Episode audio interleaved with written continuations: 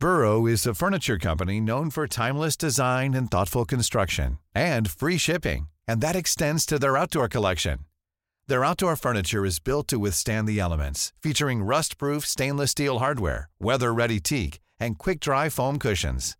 For Memorial Day, get 15% off your Burrow purchase at burrow.com slash ACAST and up to 25% off outdoor. That's up to 25% off outdoor furniture at burrow.com slash ACAST. This Mother's Day, celebrate the extraordinary women in your life with a heartfelt gift from Blue Nile. Whether it's for your mom, a mother figure, or yourself as a mom, find that perfect piece to express your love and appreciation. Explore Blue Nile's exquisite pearls and mesmerizing gemstones that she's sure to love. Enjoy fast shipping options like guaranteed free shipping and returns. Make this Mother's Day unforgettable with a piece from Blue Nile. Right now, get up to 50% off at BlueNile.com. That's BlueNile.com.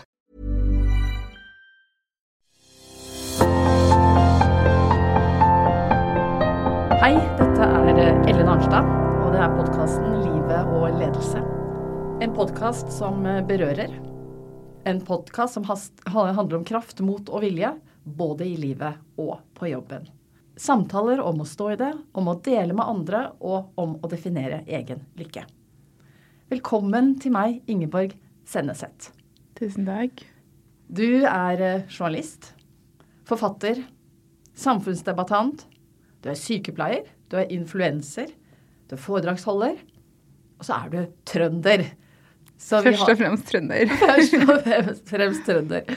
Så der har vi noe til felles. Jeg har jo hele slekta mi i Trøndelag. Mm. Og du har også uh, fått veldig mange priser den siste tiden. Og hvilken pris er du mest stolt av? Du fikk jo både Årets gullpenn, NTBs språkpris og Mensaprisen. Um, jeg har et ganske sånn trøblete forhold til priser, altså. Uh, før jeg får dem, eh, hvis jeg får beskjed i forkant, så går jeg egentlig bare og er litt kvalm og gruer meg til å ta det imot. Fordi at jeg tenker at da kommer alle til å stå og tenke at det der fortjener hun ikke. Eh, når jeg først har fått dem, så føler jeg at det er veldig mye å leve opp til.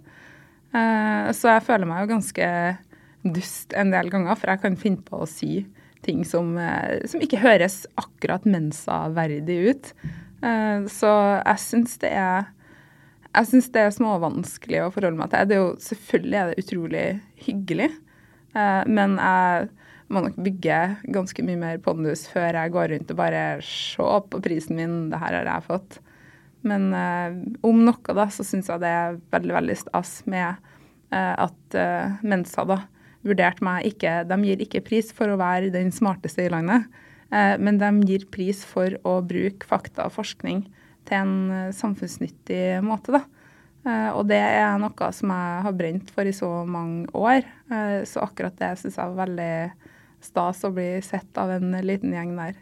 Men de strevde en god stund med å få tak i meg. For da jeg så meldinga der det sto at det var fra Mensa Norge, og vi vil kontakte deg angående en pris, så trodde jeg det var noen som kødda med meg. Så jeg svarte jo ikke, og bare la det i sånn annen innboks der du ikke ser det engang. Så de måtte gå via noen omveier for å overhodet få tak i meg, da. For jeg tenkte jo det var kødd. Vi må snakke litt om ledelse. Akkurat eh, nå så er du en av lederne i Aftenposten. Fortell litt om hvordan det oppleves. Til vanlig er jeg jo i debattredaksjonen som eh, journalist. Um, men en del av debattredaksjonen er Ung Debatt, som heter Side. Uh, og der er det en veldig dyktig leder til vanlig. Hun måtte ut en liten stund, og da spurte jeg om jeg kunne ta over eh, rattet mens hun var ute. Uh, så da skal jeg prøve å både ta vare på folk og ta vare på de avissidene.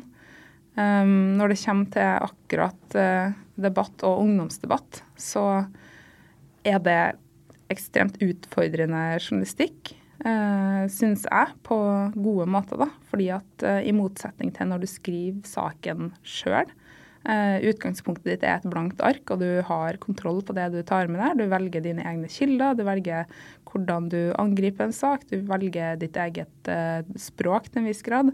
Og du setter opp saken, og du har tett kontakt med redaktør hele veien.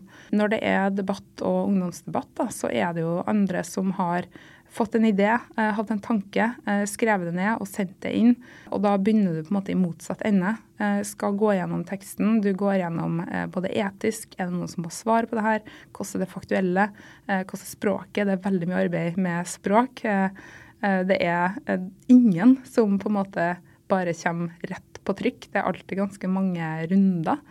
Og når du i tillegg da jobber med så små barn som 12-13-åringer, så har du mye etiske avhengigheter du skal ta i tillegg. Og så skal du vurdere bildebruk, sitatbruk, hvordan deles det, skal det ikke deles, skal det være kommentarfelt.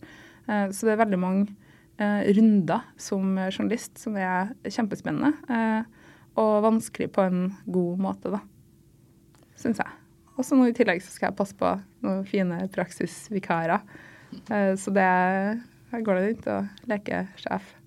Jeg tror det er ganske flat struktur. Men uh, jeg sier til dem at um, måten jeg har lært veldig mye på, og kan ganske mye, er fordi at jeg hele tida har tøyd strikken for hva det vil si å være i de rollene jeg har hatt.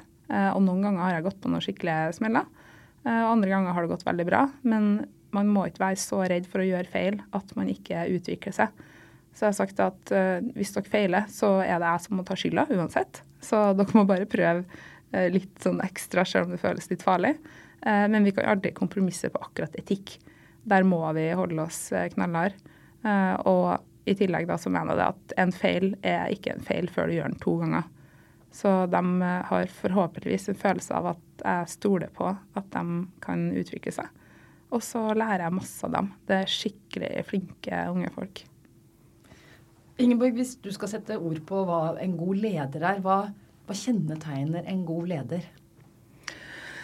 Det der tror jeg jeg hadde kommet til svart forskjellig på eh, hvert eneste år og i hver eneste situasjon. Fordi at jeg har nok hatt en tendens hele mitt liv til å være veldig solospiller. Syns det har vært komplisert å skal være en del av et lag. Hvis jeg har en oppgave, så setter jeg veldig i gang med det og skal fikse det sjøl. Uh, liker ikke å overlate ting til andre. Jeg Liker ikke å gå fra noe halvferdig og noen må ta over, f.eks.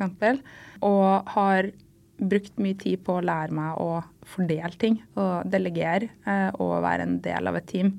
Og gode ledere tror jeg er dem som ser at folk er veldig forskjellige, og som jeg har aldri følt at jeg har blitt helt tvunget inn i en helt annen personlighet enn jeg er. Men jeg har også måttet blitt klar over hvilke trekk jeg har Eh, og at jeg er snart til å måte, løpe av gårde helt alene og ikke informere andre og egentlig gjøre ting som kan føles som at du er veldig flink der og da, men som er veldig dumt eh, for et lag. En god leder er en som spiller folk god med de egenskapene de har, og som uh, lever greit med de egenskapene som kanskje ikke er i utgangspunktet fordeler. Men jeg tror nesten alt kan bli det om det brukes riktig. Men um, en av dem jeg lærer mye om ledelse av, er egentlig samboeren min, som er kjøkkensjef. For uh, skal du styre et kjøkken, uh, da må du virkelig ha uh, is i magen og tunga rett i munnen og alle de uttrykkene der. For da skal du ha uh, en sånn vanvittig logistikk på alt av tidspunkt og kjemi og varme og folk. og du følger med så ekstremt, eh, ikke bare på det du lager, men også det du skal servere og etterpå. Og der er det så mange mennesker eh, med så helt totalt ulike roller og kompetanser, men som likevel skal utføre nesten en dans. Og av han syns jeg lærer veldig mye. En av de tingene som har satt seg veldig hos meg, er at han er veldig opptatt av at folk skal kunne det grunnleggende. Um, det er et sånn kokkeuttrykk som heter 'If you can't cook the basics, you basically can't cook'. Uh, den syns jeg er veldig fin. Du skal lære liksom å lage uh, hjemmekost. Uh, typ sånn kjøttkake og hva da, erter. du skal kunne liksom de basistingene veldig godt. For da kan du drive på med den fine dining-pinsett-greia. Fordi at du skal ha trygg grunn. da. Og det tenker jeg gjelder i veldig mange sammenhenger. Eh, hvis du er ordentlig god på fotarbeidet ditt, det som kanskje virker litt kjedelig, eh, er veldig klar over at alt er ikke artig på jobb. Eh, og ganske mye er bare traurig, langdrygt fotarbeid. da kan du bli veldig god på de der små dansene som folk faktisk ser, da. Veldig godt uttrykk. At, at det som skjer på et kjøkken er som en dans. Det syns jeg var mm. veldig, veldig billedlig bra. Så sliter vi jo litt fortsatt i næringslivet med kvinnelige ledere på toppen og kvinner i styrerommene. Hva tenker du om det når vi er i 2023?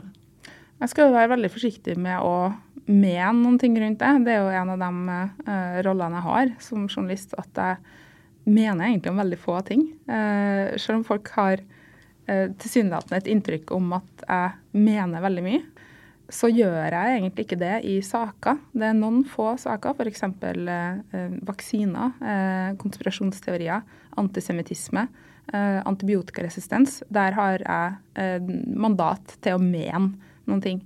Eh, men ellers så liker jeg veldig godt å prate om eh, og høre hva andre har å si. Og kan også gjerne dele veldig mye. Og syns jo at mange journalister kunne gjort det veldig mye mer. For vi har en egen innsikt i eh, nyhetsbildet da, og hva som er interessant. Um, når det gjelder kvinner i styret, og alt sånt, så vil jeg jo tenke at det er en ganske selvfølgelighet at vi bør ha eh, både dyktige folk og et mangfold. Eh, fordi at hvis ikke så får man et snevrere blikk, da. Eh, og hvis man har et snevrere blikk, så vil man generelt ikke gå så veldig godt. Så det blir vel opp til tolking hva mener mener der. Du er også styremedlem i Norske Penn.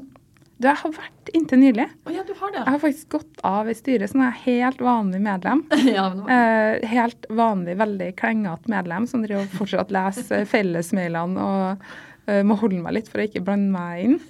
Eh, men jeg var i styret i mange år, ja. Så det er, det er, veldig rart å ikke være en del av det, men også veldig riktig å gi over plassen til andre, da. Man skal jo ikke sitte for lenge i det samme styret. Så det var vel åtte eller ni år, faktisk. Og ytringsfrihet er jo noe av det viktigste vi har, eh, og som vi må passe på. Mm. Eh, hvilken rolle tok du i de årene? Det var jo mange år. Var det noen saker som berørte deg mer enn andre? Altså, Penn har jo et ekstra fokus på Tyrkia. Eh, og Tyrkia var en av dem som også lå hjertet mitt nære, og som jeg følger i sidesynet fortsatt, selvfølgelig. Eh, så um, jeg var også heldig før pandemien da, å få reise en god del til Tyrkia og være eh, rettsobservatør. Um, det innebærer da at du er til stede i rettssaler der eh, ytringsfrihetsorganisasjoner som PEN, enten nasjonalt eller internasjonalt PEN er jo verdens største ytringsfrihetsorganisasjon av sin type og veldig gammel. Eh, og det, det, er både godt og vondt med det også. Det er Gamle organisasjoner har sine utfordringer. Men eh, i, særlig i Norge og i samarbeid med en tyrkisk eller en britisk rådgiver i Tyrkia, så gjør de et stort arbeid der. Og da handler det rett og slett om å være til stede, og at det internasjonale samfunnet viser at, at dette her er jo faen ikke greit. For der står det journalister tegnere, illustratører og redaktører eh, og forfattere eh, på tiltale etter tiltale eh, og risikerer utallige år i fengsel for å ha gjort jobben sin. Og ikke bare er det journalister og redaktører og ytrere, men også dem som prøver å hjelpe dem. Advokater og andre. Du har eksempler på advokater som har sittet på gata og solgt sitron, for de får ikke jobb noen plass. Um, det, sånn, det, var et sånn absurd syn. Uh, den uh, siste gangen jeg var der, så uh, har de jo bygd en gigantisk rettssal i kjelleren i et fengsel. så da kan man tenke litt på hvordan maktfordelingsprinsippet fungerer der. du sitter i kjelleren i et fengsel, gigantisk, gigantisk fengsel. Du får helt sånn bikubefølelse når du kommer inn der, for det er bare rekke på rekke på rekke på rekke, på rekke med rettssaler. Um, og så øverst da, så sitter jo fire dommere, eh, og de ser ut som de er akkurat ferdig med videregående. Eh, grunnen til det er at veldig mange av de eh, erfarne dommerne nok ikke var tro nok mot Erdogan, og mister da jobbene sine. Og så blir de erstatta av en ung, kanskje mer lettpåvirkelig generasjon, som da har veldig lite erfaring eller har politiske tendenser. da. Så det er veldig sånn absurd syn. Og eh, det å gå rundt Du har jo relativt lite frihet også som eh, ytringsfrihetsaktivist i det tilfellet. Uh, eneste tilfelle en journalist kan kalle seg aktivist, omtrent, er jo akkurat der. Um, du går rundt i ekstremt rent, sånn sykehusaktige ganger nesten. Uh, men vakter som ser ut som de er tatt ut av en Star Wars-film, for de er så armert på kroppen med alt mulig av skjell og ditt og datt. På et tidspunkt så skulle jeg gå på toalettet fra det såkalte presserommet. Uh, et presserom som ikke hadde forbindelse ned til uh, rettssalen, fordi at TV-en bare Nei, det funker ikke. Hm. Helt nytt bygg. Jeg aner ikke hvorfor det ikke funker. Og internetten virka ikke. Så vi hang ut av vinduene for å prøve å få litt signal på WhatsApp. Og vi hadde en kontakt som satt i rettssalen og hyrten og styrten oversatt på WhatsApp og sendte oss på melding. Så det var ganske absurde forhold. Men jeg skulle da gå på do. Har hilst på vaktene kanskje tre-fire ganger før den dagen. Går på do. Blir møtt av to vakter som sier 'Hvem er du?' Og så ser jeg er akkurat den samme som i sted. Jeg sa det selvfølgelig på en ekstremt mye mer ydmyk måte enn det. Jeg vil ikke bråke med dem. Og de sier nei, vi har aldri sett deg før. Uh, jeg sier jo, jeg er en del av uh, PEN, jeg sitter inne på det og det presserommet. Og de bare det har vi aldri hørt om. Ikke sett deg før. Uh, tar tak i meg og begynner å leie meg mot uh, utgangen. Um, rasler med våpen, begynner å snakke om eventuelt at jeg kan bli tiltalt sjøl. Går og blir mer og mer brutal hele veien ut mot utgangen.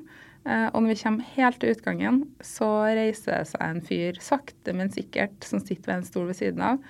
Og så kikker de på han som reiser seg, det er da åpenbart en overordna. Og så ser han på meg, og så sier han hun er grei. Og så blir jeg fulgt tilbake. Uh, så det er en sånn åpenbar variant av å bare skremme opp noen litt, og bare minne dem på hvilken plass du har. Uh, heldigvis så blir man ikke så lettskremt når man holder på med sånne ting, men du har ikke Det er ikke sånn at du har kjempelyst til å risikere å bli sittende igjen i Tyrkia heller, men det hadde nok mest sannsynlig aldri sett skjedd. Det hadde blitt ganske trøblete internasjonalt hvis en norsk journalist plutselig satt fengsla der. Men man skal ikke være for sikker på noe som helst, altså. Men eh, du var ikke redd? Eh, følte du ikke at dette var veldig truende og skremmende? Og er du en sånn veldig tøffing? Uh, jeg var ikke uh, Jeg følte meg ikke trygg. Men det blir jo ganske full av adrenalin når det holder på sånn. Og jeg var på jobb. Selvfølgelig eller, ja, Det er jo ubetalt jobb, det er en frivillig uh, jobb, det er et frivillig styre. Men jeg tok da ut ferie herfra for å kunne reise dit og være der.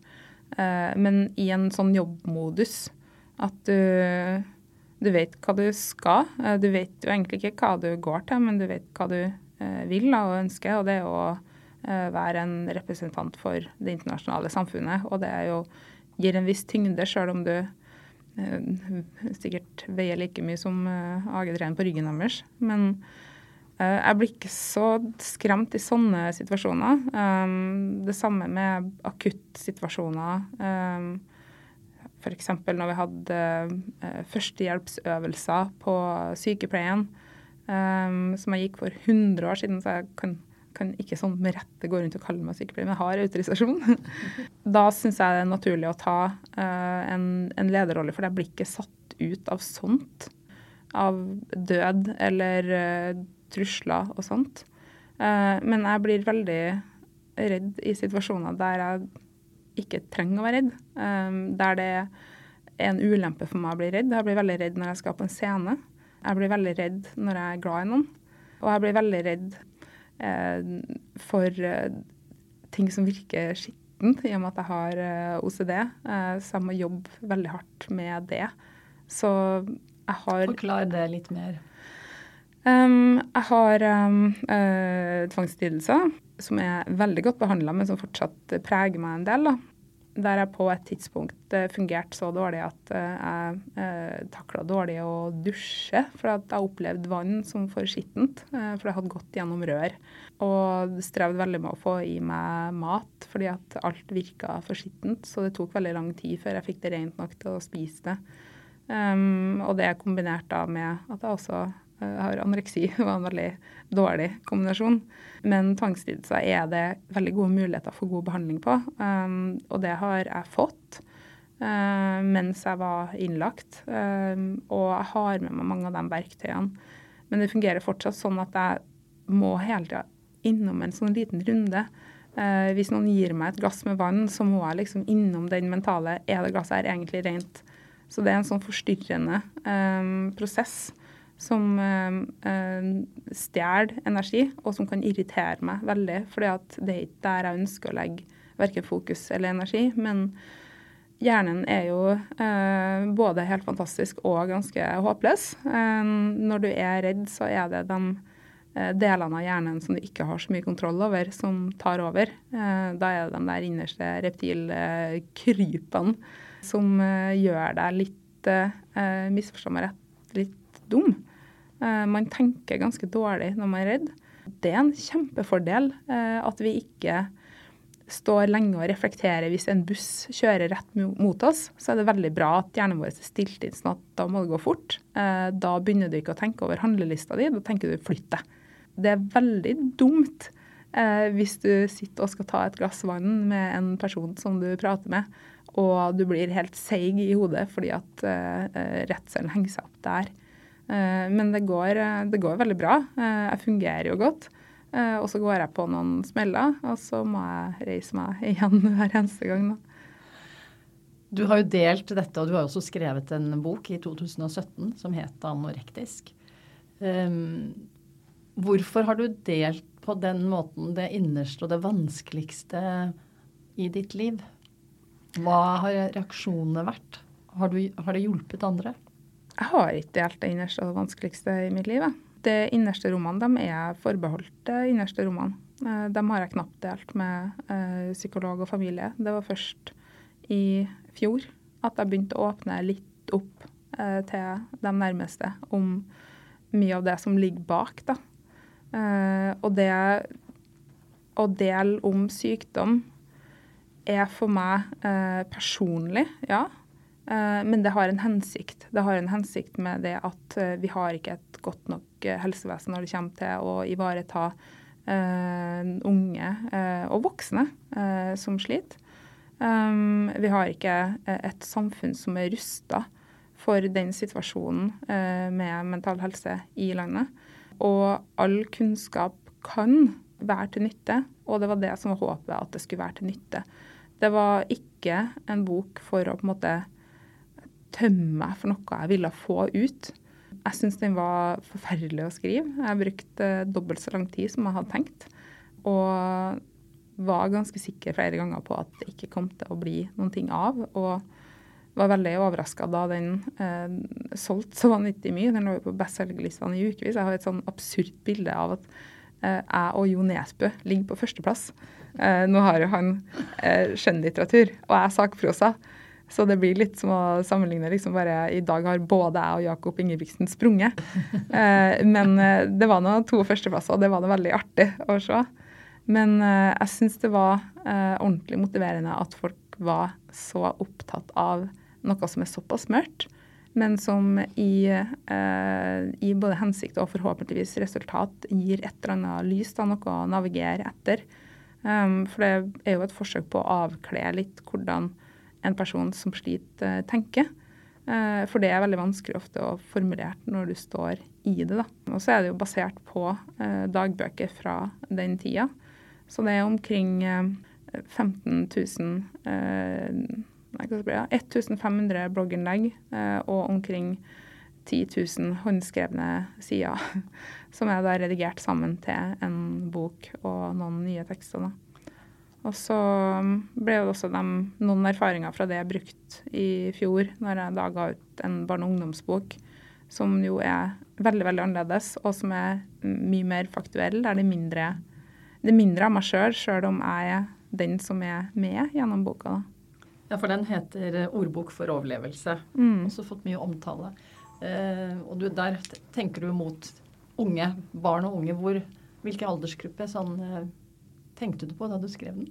Når jeg skrev for 9 til 19. 9 19. Det høres jo ut som et kjempespenn, men det er et kjempespenn i de årene der. Eh, du møter 13-åringer der jeg blir sånn eh, Ja, hva skal du begynne å studere, da? Der jeg bare tror at jeg står og snakker med noen på 21, og så er det andre som har lengre lenger for det, da.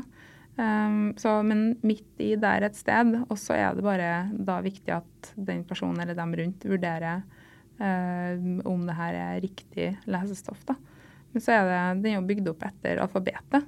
Så det er en A til Å, eh, så man kan på en måte velge sine egne kapitler litt òg, da. Man trenger ikke å lese eh, fra perm til perm, men man kan. Eh, og så er det meldinger ja, sånn 10-20 hver dag med noen som har et eller annet fra en bokstav. Her om dagen så var det jo en, en mann på 54 eh, som hadde funnet en bokstav, og det er, sånn, det er veldig, veldig ulikt. da. Eh, men alle de av oss som er voksne, har en gang vært eh, barn og ungdom. Så det er lett å hekte seg på. Og så er den eh, forsøkt å skrive på en måte som er overkommelig å lese. Eh, nå kom det jo undersøkelser med at barn og unge leser veldig mye mindre enn tidligere. Det tror jeg nok også gjelder veldig mange voksne. Vi er mer eh, wira nå for å scrolle. Og det å ha 29 kapitler eh, gjør det litt mer scrollbart. Da. Det er relativt eh, korte intervaller. Eh, og du kan tillate deg sjøl de forstyrrelsene som kommer. Eh, eller du kan oppleve det som at du, eh, det kommer videre hele tida. Eh, og at det er mye i hver, men at du da kan legge den bort eller fortsette. Så jeg har også skrevet med et så enkelt språk som mulig, men det prøver jeg jo egentlig alltid å bruke. Prøver veldig å um, leve etter det prinsippet at hvis du skal si noe skikkelig vanskelig, så har ikke du sagt det bra hvis du ikke har sagt det på en lett måte. Men det er krevende. Og så må jo andre vurdere om jeg lykkes i det. Hvilke hovedtemaer er det i denne boken? Fortell litt om det, for du er jo innom tabuer her også. Eh, det er jo masse forskjellige temaer eh, som ungdommer møter opp igjennom. Eh, men det er alt fra antisemittisme, konspirasjonsteorier, sex, porno, kjønnssykdommer så vidt innom. Men det, det kan, kan de fleste mye om. Det er ikke en sånn pekefingerbok. Det er tvert imot uh, litt mer nedpå, da.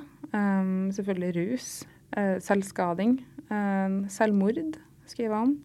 og jeg har også ett kapittel som er dedikert til en annen person.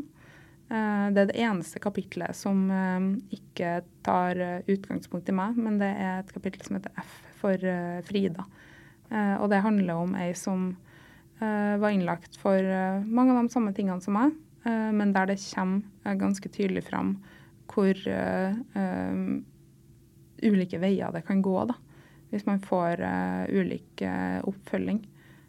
hun ville jo egentlig helst ha skrevet sin egen bok.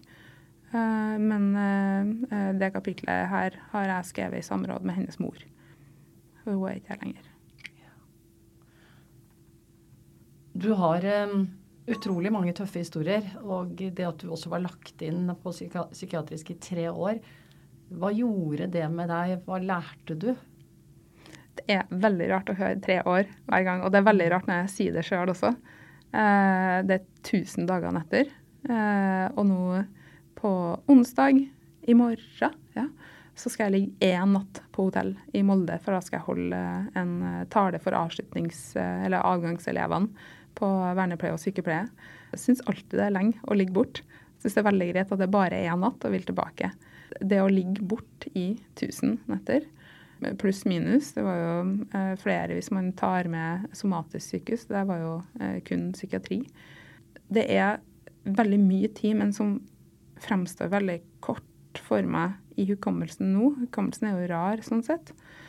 Um, eneste, den, den, letteste måten å sammenligne med, det er å ha vært skikkelig på fylla. Uh, jeg husker sånn rimelig hvor jeg har vært. Jeg husker sånn rimelig hva jeg har gjort. Men det er veldig mye jeg ikke skjønner hva jeg driver med, og veldig mye jeg skammer meg over. Så det er en sånn litt grøt, um, men veldig mange ting jeg har tatt med på godt og vondt.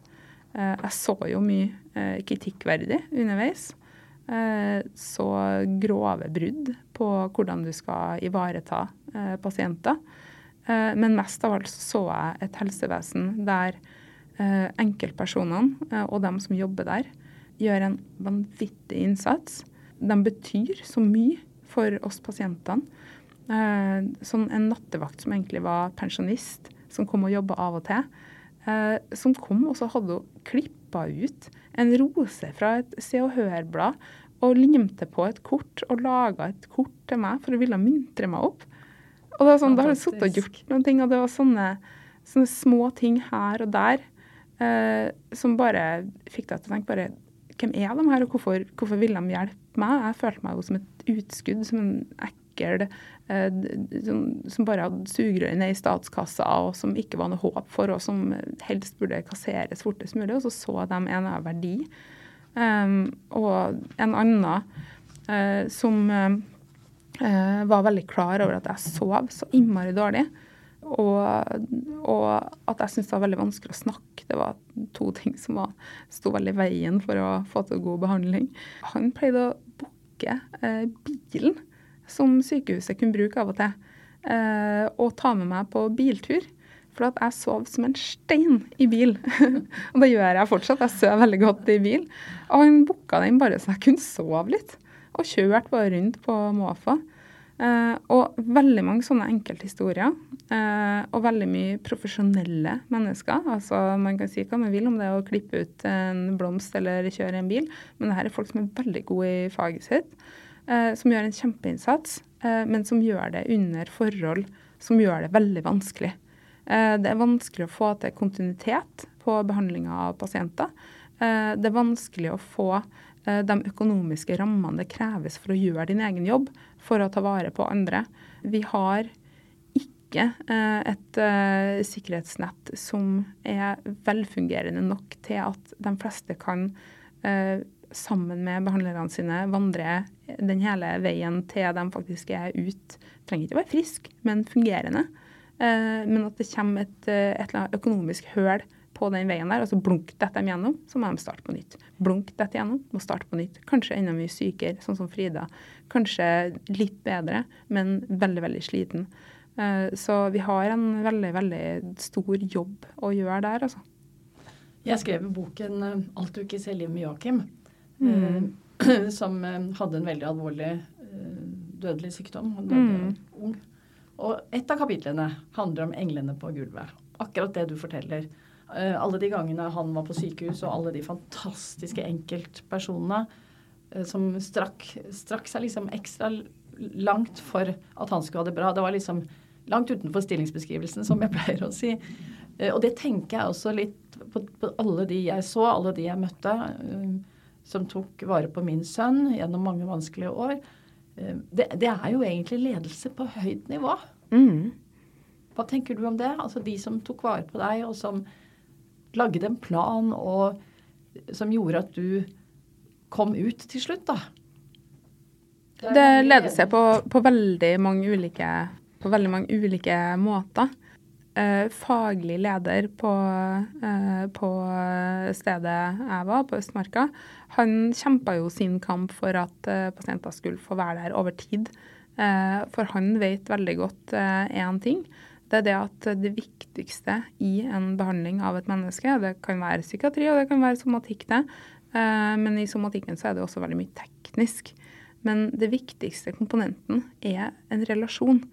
At du, har en, at du er knytta til den du skal prate med på en eller annen god måte. Og en relasjon, det får du ikke trylla fram. Du kan ikke starte timen med å si 'nå har vi en relasjon', eh, og den er god. Relasjon krever tillit, og tillit krever tid. Og tid er det som krever mest ressurser. Og der må vi på en måte klare å se på det som en investering. da. Og det er mikroledelsen, som man nesten kan kalle det, av dem som er på gulvet. De skal jo konstant liksom lede eh, pasienten gjennom sine prosjekter. Um, sånn som i tilfellet til Joakim, som du har åpna veldig veldig fint opp om, og som vi andre rundt har kunnet lært eh, mye av. Så handler det jo om å lage dagsplaner, eller ukeplaner, eh, og på en måte hele tida ha hele mennesket med i den. da. Eh, en veldig god plan for en person er jo eh, en krasjlanding for en annen. Eh, så det å ta både forutsetninger, eh, verdighet, eh, utvikling og eh, dagsform i betraktning, eh, er veldig mye mer avansert enn det å i hermetegn bare skulle lage en avis til dagen etterpå. Hvorfor ble du journalist og ikke fortsatte innenfor sykepleien? Eh, nå har jeg klamra meg til sykepleien og tar den med meg på alle mulige måter. Men jeg uh, gikk jo sykepleierutdanninga uh, mens jeg var veldig syk. Um, hadde et opphold med sykehus, kom tilbake. Gjorde ferdig min siste eksamen, fikk A på den og ble lagt inn fem dager etterpå. Var veldig sånn besatt på at jeg skulle få det til. Eh, for sykepleier hadde jeg lyst til å gå i utgangspunktet, men det var også litt for at jeg hadde ikke lyst til å flytte fra Trøndelag. Eh, jeg var redd for å flytte til store andre steder. Etter at jeg ble utskrevet, så hadde jeg underveis brukt tre år på å være blogger. Det å formidle, det å finne tilbake til en penn som jeg hadde på barneskolen, eh, og det å ha en stemme gjennom tekst, Eh, det var noe jeg kjente at det her, det må jeg egentlig holde på med. Eh, jeg må skrive. Det er en så stor del av meg. Det prega meg veldig mye med 22. juli. Det skjedde mens jeg var innlagt. Og jeg så hvordan folk eh, ville ha en av-knapp for ansiktet til Anders Behring Breivik. Um, jeg så hvordan folk helst ikke ville høre så mye. Og for meg var det veldig sånn OK, men hvis du ikke er ramma, men du syns det er for tungt å høre om andre som er ramma, eh, da er det et eller annet feil her. Og da tenkte jeg at da må jeg se om jeg kan klare å formidle de verste tingene på gode måter. Og det ble også en ekstra motivasjon i det, da. Å se om det går an å få folk interessert i helt forferdelige ting. For jeg tror ikke at folk har lyst til å vende ryggen til jeg tror ikke at folk har lyst til å, til å holde igjen ørene. Jeg tror at da har ikke vi klart å formidle skikkelig. Eh, og da må man prøve og feile eh, innen det. da. Og jo mer jeg holdt på med de tingene, jo mer jeg vendte meg vekk fra det veldig indre fokuset med meg, min behandling og mitt, og mer og mer ut mot verden og tilbake til der jeg i utgangspunktet eh, hadde vært eh, som ungdomsskoleelev som da holdt mitt første foredrag for klassen eh, om tortur. Veldig hyggelig tema som særemne. Um, og på en måte finne tilbake til det engasjementet eh, og den utadvendinga, eh, så hadde jeg veldig lyst til å bruke det. Eh, så jeg tenkte at OK, nå har jeg, nå har jeg overlevd. Nå har jeg en ny sjanse her. Jeg var ikke sånn euforisk bare nå skal jeg gjøre alt jeg har drømt om, men jeg tenkte nå skal jeg sjekke om jeg kan få til det. Flytta da til Oslo uten å ha plass å bo. Bodd på gulvet til Kadra Yusuf, som var og er en god venninne. Eh, sammen med hennes niåring, som nå er en stor tenåring i dag. Og søkte på skole, eh, kom ikke inn. Eh, søkte på jobb, fikk ikke jobb. Tenkte at det her prosjektet sendes sett, det her går ikke veldig bra. Men fortsatte da å jobbe gratis og lære mest mulig. En av de måtene man kan lære aller mest på, er å prøve og feile. Og fortsette frem til det åpna seg en mulighet for et vikariat eh, da i Aftenposten. og ble oppringt på en Eller fikk vel en melding på en onsdag om er du fortsatt interessert i jobb. bare ja. Eh, skrev under kontrakt eh, fredag. Eh, Starta mandag, og eh, der har jeg vært siden. I ulike roller, da, men mest i debatt. Det jeg tenker om deg, er at du har, eh, du har vist svakhet. Du har mye sårbarhet i deg. Men så er du jo veldig viljesterk også. Det er liksom en kontrast. Du gir deg jo ikke. Du får jo til det du vil. Um, man får jo til det meste hvis man uh, ikke sover og jobber på. Og nå er ikke jeg sånn um, jeg, skal ikke, jeg, skal ikke, si at jeg syns det er bra å ha den livsstilen jeg har hatt. Men jeg hadde et veldig stort minus da jeg starta, og det var det at jeg hadde mista nesten ti år. Så det at jeg døgna rundt med å jobbe fordi at jeg var veldig opptatt av at selv om jeg tilførte Aftenposten noe de trengte ved at jeg hadde opparbeida meg en enorm kompetanse på sosiale medier, på digital hvordan det fungerer digitalt, med helse og med tekst, så kjente jeg veldig på at jeg kan jo så lite av alt det de faktisk kan. Så for meg var det ikke nok å måte, tilføre noe, jeg måtte også kunne det andre kunne. Så jeg satt jo hver kveld og jobba og jobba, enten på kontoret eller hjemme, for å ta etter. da. Og det samme måtte jeg gjøre med mye av samfunnsbildet. For det å være, det å være pasient er veldig altoppslukende. Og selv om jeg var opptatt av å se Dagsrevyen og fikk jo med meg ting, så gikk jeg glipp av veldig, veldig mye òg. Så jeg måtte på en måte ta etter mye. Og det er først nå, liksom nå at jeg begynner å slappe av litt og kose meg med veldig mye søppel-TV og tenke at det her er helt topp. Og føle at jeg finner min indre ladsabb, som er også en del av meg. Um, men uh, man kan få til veldig mye hvis at man uh, er fleksibel på hvordan man skal få det til. Uh, for det er mange veier uh, fram til det samme, da. og så er det nok ikke alt jeg har fått til like bra, men da um, er det jo bare å prøve på nytt på nye ting også, da. De som tar kontakt med deg i og med at du har du, du syns veldig mange steder, ikke sant? fordi du er så digital og du har ja, du bruker liksom hele deg på, i veldig mange kanaler. Um, svarer du på alt, eller hvor krevende syns du det er å få ja, kanskje historier fra andre som har det vanskelig? Hva gjør det med deg? Um, jeg kan jo ikke da svare på uh, alt, for veldig mye havner jo ofte i sånne andre innbokser. Um, jeg syns folk er veldig respektfulle når det kommer til sine egne historier. Og det handler litt om at jeg har sagt offentlig veldig mange ganger og minner eh, jevnlig på at jeg eh, kan ikke være den som forvalter eh, din historie eh, som menneske. da. Hvis det skal i en eh, avis, eh, så kan det hende at det kan gå via redaktør. Men jeg har verken mandat eller kapasitet til å være eh, den som tar det imot. Eh, og hele tida sagt at jobben min er å prøve å eh, endre samfunnet sånn at det er plass for deg. Men plassen kan ikke være hos meg, for da, da vil jeg jo knele. Men jeg er tøffere i det jeg sier, enn det jeg føler. For jeg klarer ikke å ikke ta med meg en bit av hver eneste person. Og det er også en av grunnene til at jeg er så tydelig utad at man må ikke komme uh, nødvendigvis til meg med den historien, men det er Det kan være alt fra 10 til 200 på en dag uh, som har ulike ting å komme med. Men veldig mange av dem er sånn Men du skal ikke tenke på det, men jeg tenker jo på det.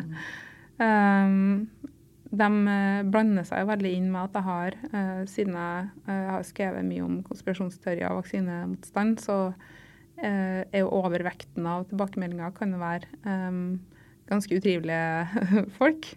Eh, så om ikke annet så er de i hvert fall veldig hyggelige, de som eh, kommer med sine historier. Eh, men ja, det er litt ulikt. Du får sikkert mye i innboksen, du også. Ja da, det kommer jo litt innimellom. Så det er jo ikke Og når man hever stemmen, så er det jo mange som heier. Det er det virkelig. Det opplever sikkert du også. Men når man hever stemmen, så er det også en del andre som Eh, ikke tolererer det, da. Så, mm, men jeg tenker, hva er du mest stolt av eh, i livet ditt frem til nå? Du fant ikke noe vanskeligere spørsmål enn det? Helt forferdelig spørsmål å få. Uh, mest stolt av? Um... Mother's Day is around the corner. Find the perfect gift for the mom in your life with a stunning piece of jewelry from Blue Nile. From timeless pearls to dazzling gemstones, Blue Nile has something she'll adore. Need it fast? Most items can ship overnight. Plus, enjoy guaranteed free shipping and returns. Don't miss our special Mother's Day deals. Save big on the season's most beautiful trends. For a limited time, get up to 50% off by going to Blue Nile.com. That's Blue BlueNile.com. Millions of people have lost weight with personalized plans from Noom, like Evan, who can't stand salads and still lost 50 pounds. Salads, generally, for most people, are the easy button, right? For me, that wasn't an option. I never really was a salad guy. That's just not who I am. But Noom worked for me. Get your personalized plan today at Noom.com. Real Noom user compensated to provide their story. In four weeks, the typical Noom user can expect to lose one to two pounds per week. Individual results may vary. Det jeg er mest stolt av, er faktisk ikke egentlig jobbting. Fordi at jeg kan, gjøre, jeg kan gjøre alt i en rolle, jeg kan gjøre alt i en jobb. Jeg kan strekke meg så langt det eh, gjelder uansett der. Um, det jeg er mest stolt over, er at jeg klarte å slutte å være en fullstendig eh, solospiller eh, i livet.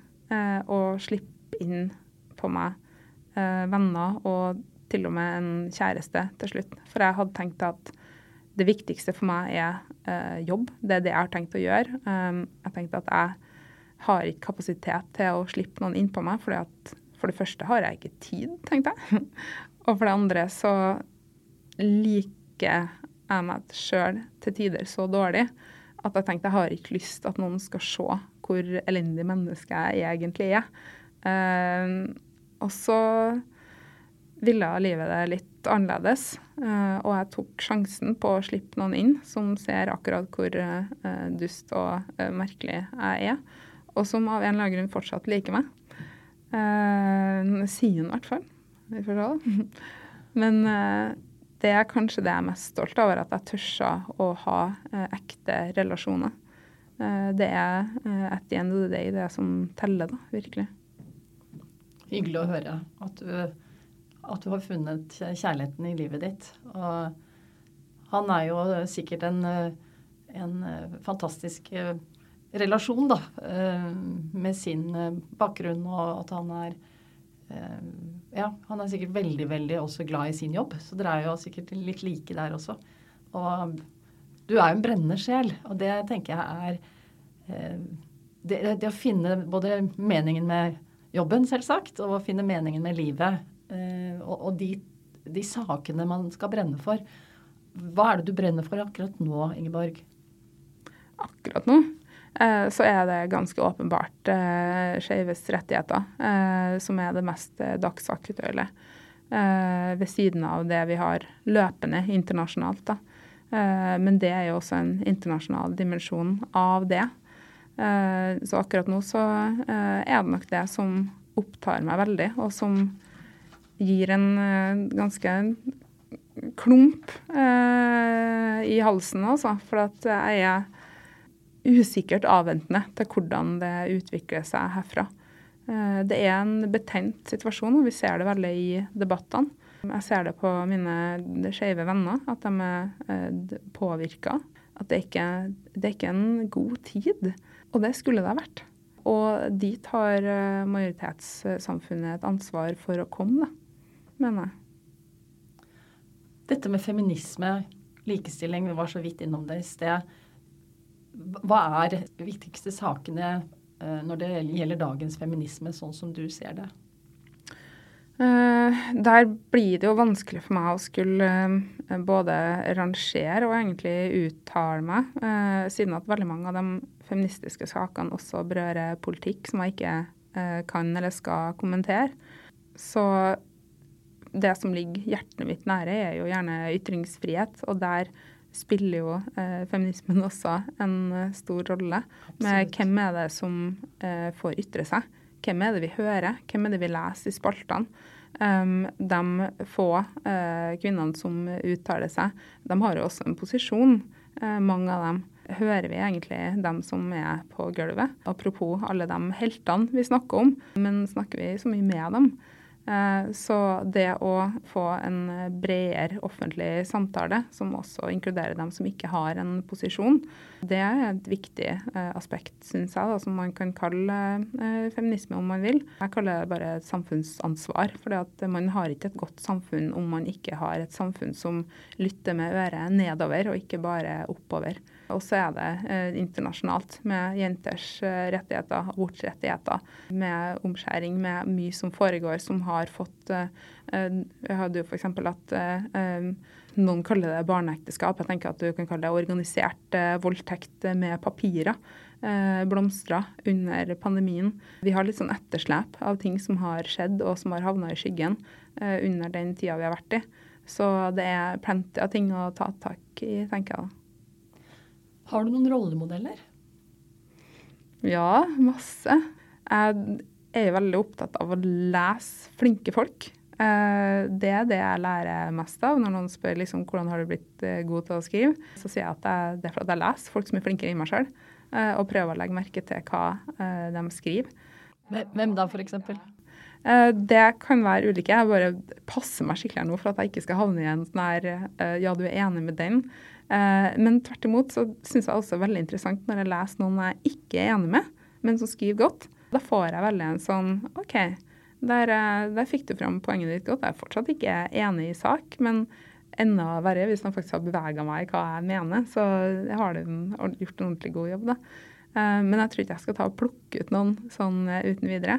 Hvis jeg skal holde meg på helt safe grunn, så kan jeg si mamma, da, som er sykepleier, har vært det inntil nå. er da over 60 og er en helt beinhard dame som da klarte å mer eller mindre alene ha eh, tre unger og eh, et par hunder gård og én sykepleierlønn og pendler. Og eh, selv om ikke alt eh, ble perfekt opp igjennom, så har jeg aldri vært i tvil om én ting, og det er at hun eh, er veldig glad i oss. Eh, og det gir en sånn trygg base å gå videre på. Da. og hun er, en, hun er virkelig en leder. hun tar jo gruppeansvar på sin jobb, og da er det gastrokirurgi. Eh, så hun har eh, da en sånn koordinering av både pasienter, av folk som er på jobb, av leger som skal gå og ha visitt. Eh, så hun driver på med ganske beinhard ledelse, og er samtidig kanskje det søteste mennesket som vandrer på den jorda her. Håper hun hører på nå.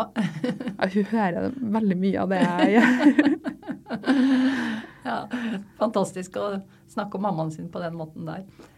Jeg tenker på um, livet ditt videre. Har du noen mål? Har du noen karriereplan? Hva tenker du om din vei videre? Du som har så mye på hjertet. Det, det, er et par ting på gang som jeg ikke kan prate om, og som kanskje ikke blir noe av. og Da er det i hvert fall greit å ikke ha pratet om det. Um, jeg vil hele tida være oppmerksom på hvordan kan de tingene jeg driver med, brukes på en fornuftig måte. Jeg er veldig, veldig glad i, eh, i å jobbe med debatt. Uh, og tenker nok at jeg vil være der. Uh, og samtidig så er det flere måter man kan både fremme andres stemmer og sin egen på. Og så har jeg lyst til å ha det litt gøy. og så har jeg lyst til å late meg litt. Så vi får se. Men når du har det gøy, da, hva, hva gjør du da? Hvem, hvem, er du da, når du har det gøy? Akkurat nå så er jeg jo i en veldig sånn hundemamma-periode. Eh, der jeg tar så mye bilder av hunden min at jeg betaler 99 kroner ekstra til Apple for å ha lagringsplass Eh, og det er egentlig bare masse bilder som er helt likedan eh, av den samme hunden i litt forskjellige posisjoner. Det har jeg sett. Veldig søt, da. Hun er veldig morsom. Ja. Um, uh, så akkurat nå er det veldig morsomt når jeg er med hun, uh, eller at jeg ser noe tull på TV. Uh, jeg har egentlig ganske enkel sånn hva som gleder meg ting. jeg trodde før at jeg måtte gjøre veldig store ting for å for å kjenne at jeg lever. Uh, så jeg prøvde f.eks. å hoppe i fallskjerm. Uh, da kjeda jeg meg litt. Uh, det var fin utsikt, men så syns jeg liksom det var Ja, ja, vi henger nå her og dingler, da. Ja, ja. Og lander nå til slutt. Og sånn. jeg syns det på en måte Det ga ikke meg så enormt mye som jeg hadde trodd, så jeg var litt sånn skuffa. Var bare sånn skal jeg bare bli redd for ting som ingen andre er redd for, og kjede meg på ting som andre syns er gøy? Det er jo helt absurd. Men så oppdaga jeg det at det fins en sånn dimensjon som egentlig bare er menneskelige relasjoner, da, og ser at oi, shit, det her er faktisk veldig gøy og morsomt. Så det å være med andre og det å eh, utfordre seg på ting, det å spille spill, eh, det er sånt som jeg kan synes er veldig morsomt. Da. Blir det noen flere bøker, Ingeborg? Eh, jeg sa nei forrige gang, og jeg sier også nei nå. Så vi får se. Jeg har, jeg har, en melding i innboksen fra redaktøren min eh, om en uh, aktuell bok som jeg ennå ikke har svart på. for at jeg Uh, nå hører han kanskje det her. Uh, jeg beklager, Tiger. Uh, for jeg driver og ignorerer den og later som jeg ikke har sett den. for jeg, jeg syns det er veldig tøft å skrive bøker. Jeg har veldig respekt for dem som gjør det på det jevne. For jeg blir, jeg blir veldig sliten av det. Du skal legge mye i det, og det skal jo bli et bra resultat. Og jeg er egentlig ikke en sånn er ikke en maratonløper. Jeg er en sprinter. Jeg elsker jo når det er ting fra dag til dag til dag. Dagspresset passer meg jo ekstremt godt, fordi at ja, selvfølgelig jobber vi med mange langsiktige prosjekter. Vi henter inn skribenter, vi jobber med tekster over tid. Vi planlegger for det neste halvåret nyhetsmessig. Eh, vi driver og følger med over tid, altså. men det er hele tida veldig sånn korte intervaller på det er jo neste avisa, neste avisa, neste saken. Det passer meg veldig godt med sånn sprinting. Eh, jeg har ganske dårlig kondis på maraton, og bøker er maraton.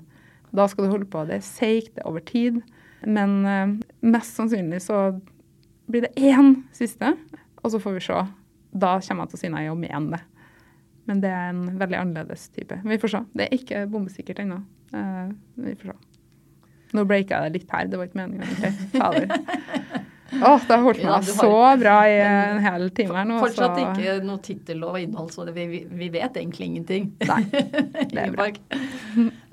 Jeg hadde Anita Krohn Traaseth som gjest i denne podkasten Liv og ledelse. Og hun fortalte jo, det har hun også skrevet om, at hun mistet moren sin til selvmord når hun var, hun var bare 19 år. Mm. Og da lærte hun det gikk noen år, og da hun skrev den første boken sin, så var det en eh, forskningsrapport som, som beskrev eh, posttraumatisk vekst. Og det kjente hun seg veldig sånn igjen i at gjennom smerte, gjennom noe av det mørkeste du kan oppleve i livet, eh, så kommer det en slags vekst også. Og jeg kjente meg egentlig også igjen som mor til et så alvorlig sykt barn at det bidro også til at jeg Det ga meg også en slags vekst. Hva tenker du om det? Jeg tenker at jeg syns det er utrolig bra at både eh, Anita og du har opplevd vekst av traume. Uh, og at det absolutt er en mulighet. Um, men jeg vil være ganske streng på det å si at folk skal ikke komme her og si uh, 'what doesn't kill you makes you stronger'. Det er en artig sang. Uh, det er et fint uttrykk. Men det er ikke nødvendigvis sånn det fungerer. Um, man skal aldri tenke at ja, men så bra at du har vært gjennom så mye, det har ikke sikkert gjort deg mye sterkere. Altså, traumer er en skade. traumer er smerte. Traumer er jevnt over unødvendig dritt som man skulle ha vært foruten. Men når man først har det, så er det strålende om den erfaringa kan være med og gi deg noe som du kan bruke videre. Eh, men utgangspunktet vårt kan ikke være der at vi på en måte eh, syns det er så flott at folk har vært gjennom ting, for da kan de lære ting ingen andre har eh, lært. Det er jo ikke sånn engang. Man, litteratur er jo til for at vi skal kunne lære ting vi ikke sjøl går gjennom. Men man opplever jo mye dritt. Ingen kommer gjennom livet uten å ha enten mista noen eller å ha opplevd vonde ting. og da, hvis man har det riktige nettverket, hvis man har de riktige ressursene, hvis samfunnet er beredt på den måten at de ivaretar det, så kan du oppleve vekst på den måten man tenker på det som vekst. men vi har altså tilbake til Utøya. Masse folk som ikke har fått god nok oppfølging etter det. Og hvis noen kommer og sier til noen av dem bare sånn Ja, men du overlevde, det ble du sikkert sterkere av. Det er jo en helt absurd ting å si. man skal vokte seg ganske vel for å ha den innstillinga om at det er noe som bare skjer. posttraumatisk vekst antar jeg Eh, kan skje under riktige forutsetninger. Eh, det blir som en plante. da. Det er sånn, Du kan ha, dem, du kan ha et toppfrø, eh, men hvis du ikke gir den vann, så vil det jo gå til helvete. Men jeg snakker av erfaring. Eh, du må på en måte ha de riktige omgivelsene og støtten, både fra eh, nære og fra samfunn, for at det skal fungere. Så eh, jeg har nok ikke den der Jeg har i hvert fall ikke den der glorifiserte innstillinga til det, men det opplever ikke jeg at dere har sånn sett heller. Men jeg tenker at vi kan godt snakke litt mer om sånne ting. særlig i en tid akkurat nå der det har blitt veldig, veldig trendy med sånne uh, challenges. Har også venner som gjør det sjøl. Eh, uh, der du skal på en måte være den beste versjonen av deg sjøl hele tida. Du skal bruke det dårlige til noe godt. og det er sånn, Ja ja, kom igjen med det, men ha nå også med det at en, en, traume er en skade, og det er greit. Du trenger ikke nødvendigvis å da bli en fantastisk versjon etterpå. Men hvis du klarer å ha det bra, så er det helt topp. Legg lista der. Og så eventuelt, ja ja, om du vokser, da, kjempebra. Men først og fremst så vil vi jo at folk skal kunne ha det rimelig bra ut ifra de forutsetningene man har. Tusen takk, Ingeborg Senneseth, for at du kom til podkasten min 'Liv og ledelse'. Og uh, dette, disse minuttene gikk fort. Du har virkelig mye du kan dele med andre, og det gjør du også. Så det er jo en uh, styrke i seg selv at du gjør det. Og jeg heier på deg. Har gjort det lenge og syns at du er utrolig Pippi-modig. Tusen takk for at du kom. Tusen takk for meg. Og jeg som trodde at jeg ikke hadde noe som helst å si. og ikke fikk lov til å forberede meg. Nei, takk for nå. Jeg håper det var noe du kan bruke. Det var mye. Tusen takk. Ingeborg Senneset. Here's a cool fact. A crocodile can't stick out its tongue.